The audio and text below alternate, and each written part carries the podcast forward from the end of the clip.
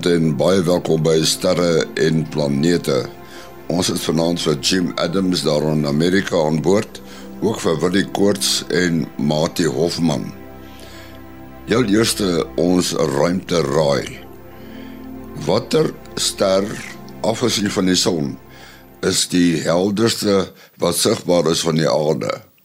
Watter ster afgesien van die son is die helderste wat sigbaar is van die aarde.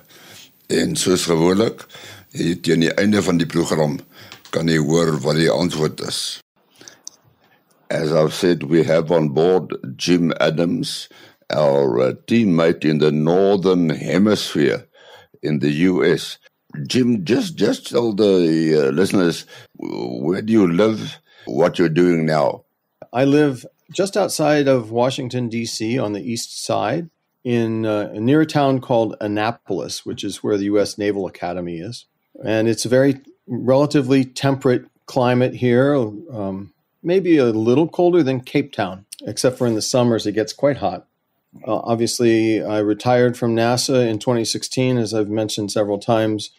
And since then, I've had the privilege of being able to travel around the globe telling people about the um, uh, wonders of space and and the opportunities in studying space science and exploring space. And so um, I, I, just feel like that's a privilege.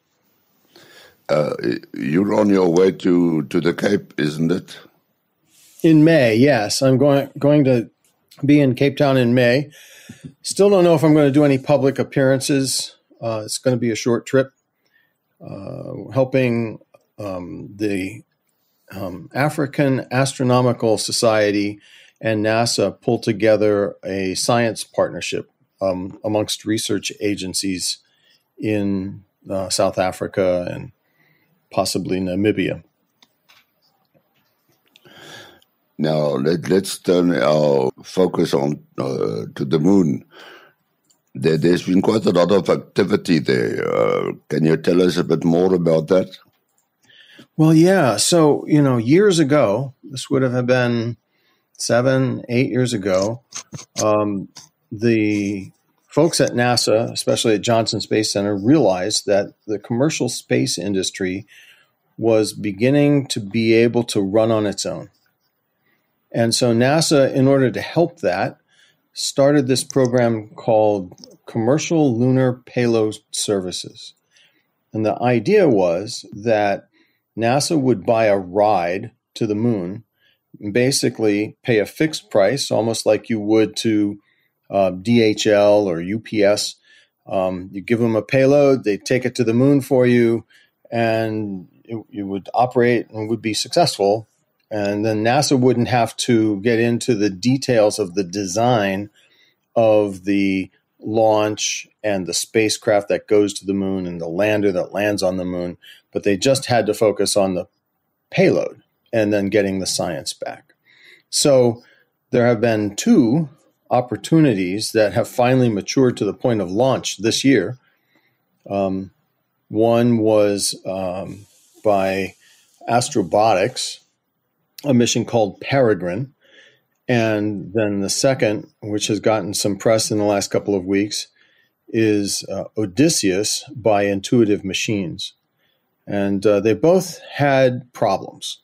But that doesn't mean that we should give up on the idea that NASA could buy payload services um, in a commercial way rather than the old fashioned way where they would basically design everything from the resistors on up. What are they supposed to do there, these uh, machines? Uh, they would supply everything that NASA needed to get off the ground, which is the rocket, from Earth orbit to the moon, which is the spacecraft, and then to the lunar surface, which is the lander. So basically, NASA would pay a fixed price to get all of those mission episodes done um, uh, on a on a commercial basis. Basically, they buy it out of a catalog, and uh, and then NASA just shows up at the launch site with their payload, and they NASA took the opportunity to put several payloads on each of those missions. And then when they get to the moon, we turn them on and we have the benefit of being able to operate without having to worry about the infrastructure that the two companies put together? Over the last uh, number of years, uh, we have heard quite a lot about uh, space tech companies like SpaceX, Blue Origins, Virgin Galactic. Now, for me personally, and many other people uh, down here, uh, the names Intuitive Machines and Astrobotic are not familiar names. Have these companies been in existence for a long time? It came a bit to uh, a surprise to me that suddenly these com- companies seem to appear out of nowhere and do try to do sophisticated things like moon landings. Yeah, you know that's a really insightful question to ask. The um, the companies that NASA contracted with, um, Intuitive Machines and Astrobotic, um, are new companies relatively. I mean, they had to have been in existence for five or six years in order to be able to capture this business, but um, and then deliver the the systems. But there are a host of small companies that are building spacecraft around the world. In fact, one really good one is um, Dragonfly Aerospace in Cape Town. And uh, so these companies they pop up and they quietly build spacecraft. Uh, oftentimes they're bespoke, you know, built to customers' requirements, um, uh, and uh, and they just do their job. And part of the reason they don't get a lot of press is because uh, there aren't there isn't the potential of flying human beings on them. These are small missions, small spacecraft, and then of course small rockets. So, um, but this is NASA's one of NASA's first forays into buying commercial products. Like I said, you know, just because the first two had some problems doesn't mean that we should give up. I, you know, space is hard; it's complex. Um, in fact, the complexities are so much that sometimes things get forgotten. We can talk about that uh, a little later.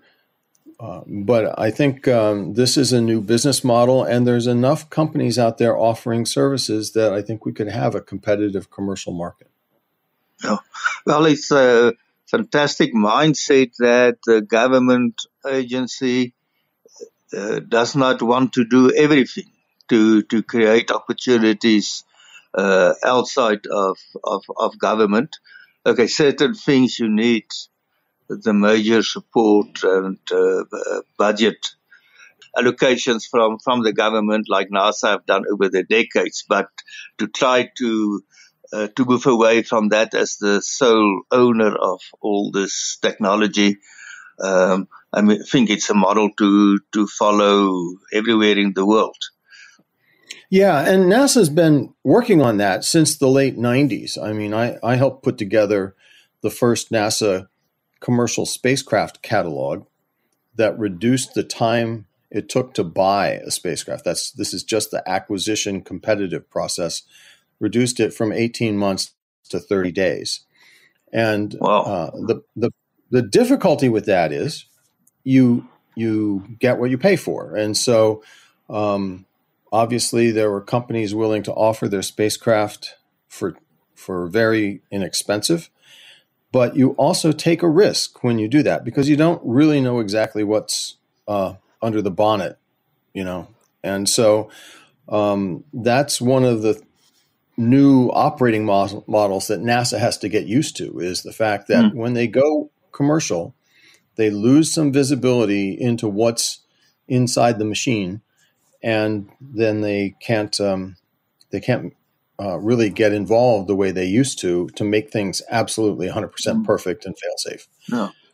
Now, in the yeah, in the case of Odysseus, we um, with the navigation, something went wrong, and maybe you should explain that uh, that there was uh, other equipment that NASA had on board that could save the day.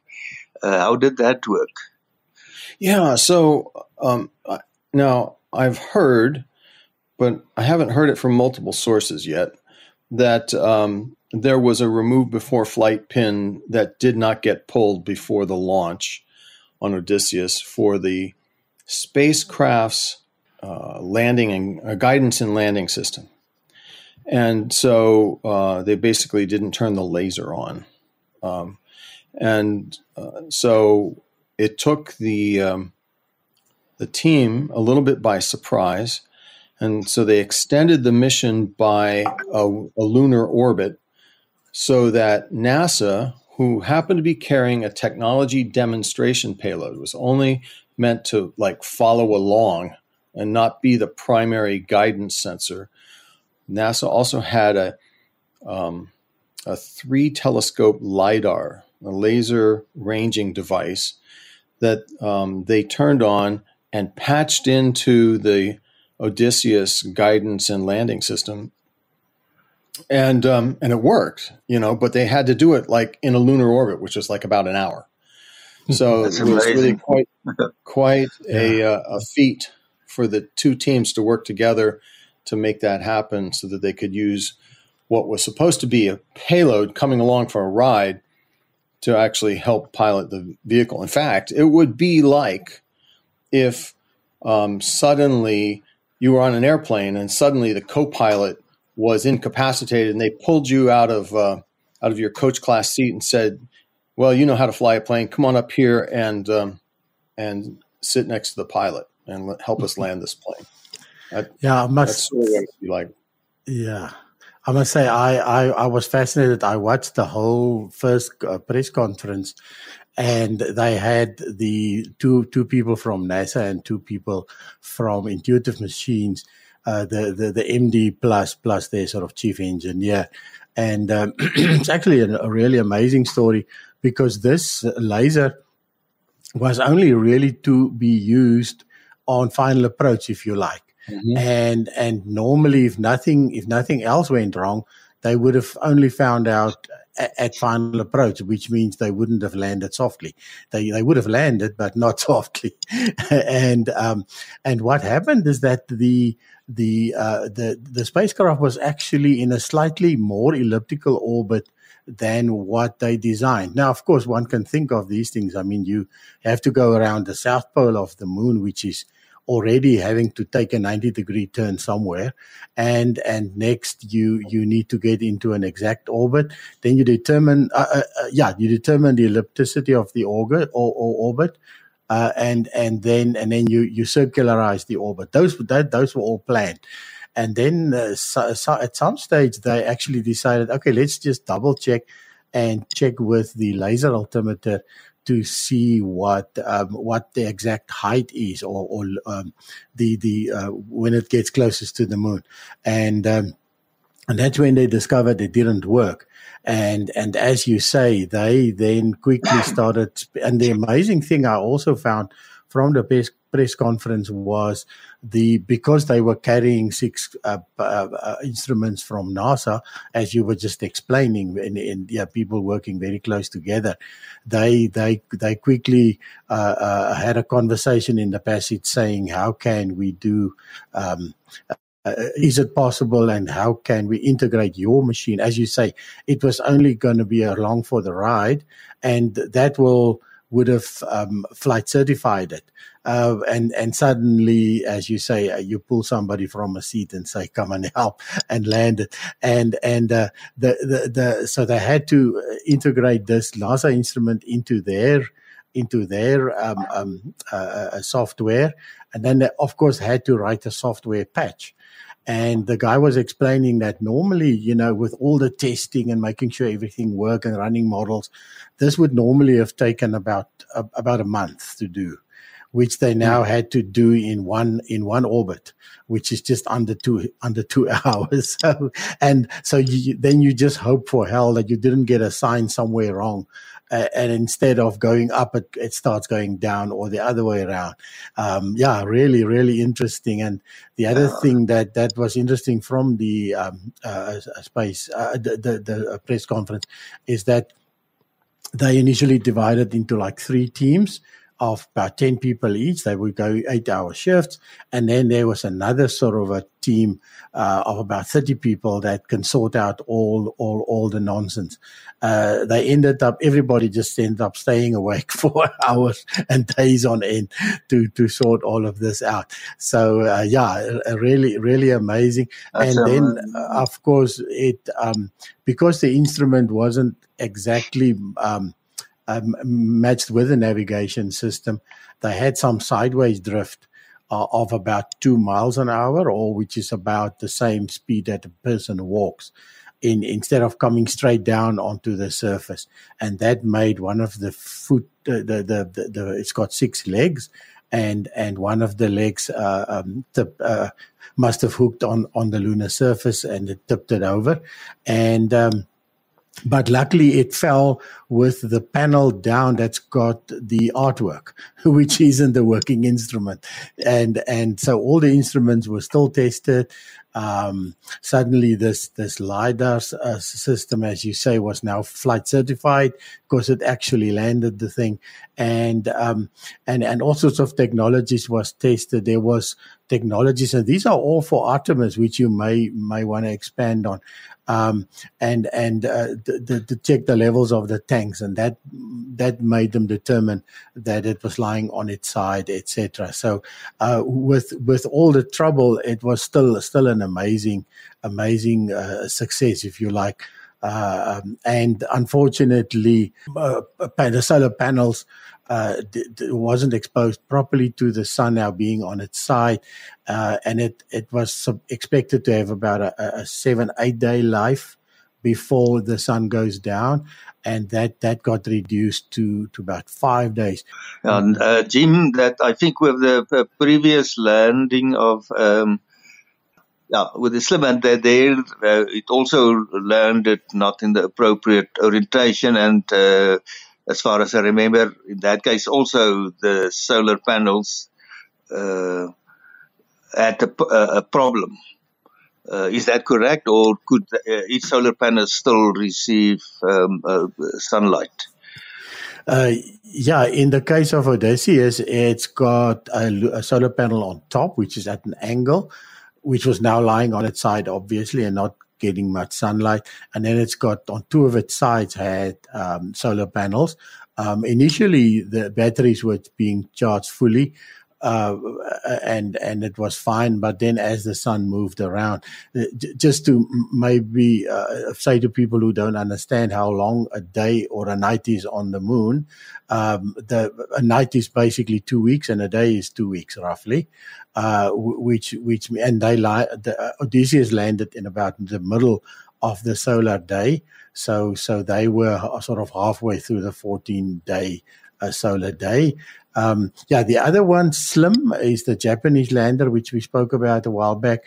A smart lander for investigating moon uh, is what SLIM stands for. That we uh, said last time landed on its head. Uh, also, then getting bad exposure for its solar panels. Um, and then it went into the lunar night. Now, both Odysseus and SLIM uh, or any spacecraft that that, that uh, g- g- the temperatures go, go goes down to about 100 minus 120 Celsius. Uh, not a lot of electronics can survive that, and uh, it's not designed for to survive it either. Um, but amazingly, now um, when the sun came around on Slim, the Japanese lander lying laying on its head, um, they managed to to wake it up again, so it survived the the lunar the lunar night. So we hope uh, that Odysseus will will will will do the same, but but it's not guaranteed. Jim, uh, just another question. You uh, you mentioned uh, the payloads of NASA on uh, uh, on this Odysseus lander, and also the other one that was not a, su- a success in landing, the Peregrine. Um, though I read that the amount that NASA paid was well over hundred million dollars for each of these missions. Uh, is that in the context of NASA and its bus- uh, budgets a major blow, or is that the type of funding they can not uh, will not be too angry about if uh, they lose the impact of that uh, that investment? So Uh, that's a, also another great question. The the NASA budget, just for context, is somewhere on the order of about twenty two billion dollars. So hundred million dollars, um, while it's a lot of money, is um, is affordable in NASA terms. The the other thing is that these payloads were technology demonstrations to start with, which means that NASA entered into this agreement knowing there was a higher risk than usual, and also understanding that the purpose of this flight was to demonstrate that their flight that their payloads are flight worthy and function properly in space. So they were able to accomplish that. It was obviously must have been worth hundred million dollars to NASA to be able to do that. And um, so, from the point of view of NASA uh, accomplishing its primary goals, um, they got their they got what they paid for. Um, it's just that at NASA we are so used to having everything exceed its you know its um, expectations. Like Curiosity's been going now for what 12 years. It was designed to last for two on the surface of Mars, and so um, we we are constantly you know like trying to make things extra perfect so that they'll last longer than they should. But as Willie pointed out, it is really tough to make something survive the transition from lunar day to lunar night live throughout the lunar night, and then come back alive on the next lunar day because it's a 14 hour, 14 day heat soak, basically where you're you're absorbing the sun for 14 days, and then um, for 14 days of extreme cold. It's one of the most hostile environments in the solar system, which is why when we send people to the moon, we're and, and and we send a we make an outpost on the surface of the moon. We're looking for places, some of which are very near the South Pole, that have um, constant uh, illumination. It varies throughout the 28 day cycle, but there are certain peaks or plateaus on the moon that don't get shadowed um, uh, during that uh, 28 day day night cycle. And so, if we can do that, we can mitigate some of the um, rigors of the temperature changes. Mm-hmm. I've, read that almost half of all efforts to put a lander on the moon uh, were not successful. Uh, why is that so challenging to land uh, a spacecraft on the moon? Is it more challenging than, say, Mars? Uh, oh, no. No, I I would say Mars is by far harder, and that's a whole nother show in and of itself. Um, but just putting a lander on the moon um, requires a lot of um, attention to detail and patience. Uh, there's uh, there's so many different systems that have to contribute to, you know, locating yourself, controlling the thrusters, knowing what to do in a dust environment, all of that kind of thing is um, is important, and um, and it's hard to get it right, especially for a new company that doesn't have a lot of experience in this sort of thing. Yeah. So um, that's why a commercial payload system needs to be checked out with these sorts of um, uh, demonstration payloads, so that NASA is not taking a huge risk like trying to land a habitat for astronauts for the first time on the surface of the moon. Right, we have to uh, get to our space quiz question. And the, the question was uh, apart from the sun, uh, w- which is the most visible star that we can see from Earth, uh, the brightest star from Earth? Uh, Jim, could you answer that for us? So um, I, I'm not really a, um, an adept astronomer, but I would guess it's Taylor Swift. uh, other than the sun is Sirius. and that wow. is seriously true. Uh, but that's not the brightest star, but brightest star as uh, far as visibility from the Earth is concerned. And what is exciting is that um, the people listening to the program can go out if it's not cloudy uh, where they are. Early evening, it's almost directly above uh, above you in South Africa. Uh, by far the brightest star. They will may see two other brighter objects in the in the evening, and the one is of course the moon. But at the moment, the moon ri- rises very very late. It's past full moon, and the other uh, bright object that's actually brighter than Sirius is the planet Jupiter, but it's not a star, of course. Uh, and uh, Jupiter is in the northwest early evening. Uh, and uh, Sirius is quite uh, interesting things about it. Its distance is approximately 8.6 light years. It's not the nearest star, but probably one of the 10 nearest stars. I think, uh, Billy, maybe you know exactly where it's in that rank. Um, uh, and uh, yeah, well, the 8.6 years means if you could exchange an SMS message from Earth to Sirius and back, communicate with uh, imaginary uh, space uh, spacecraft there. It would take um, more than 17 years to exchange one short message, and that's one of our nearest stars. Jim, can you uh, you can be reached on uh, Henny Maas and say ruimtespan? Yes, even though I can't say it, I love answering questions on the Facebook page. Okay, Marty.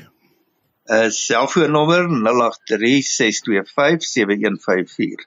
0836257154. En nou wat die? Is 0724579208. 0724579208.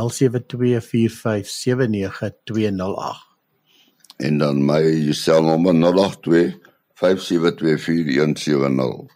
0825724170 en uh, ons uh, Facebookblad is Henny Maas en sy ruimtespan soos jy gehoor het en dan ook ons uh, e-posadres is sterreplanete by gmail.com sterreplanete by gmail.com tot volgende week. Alles van die beste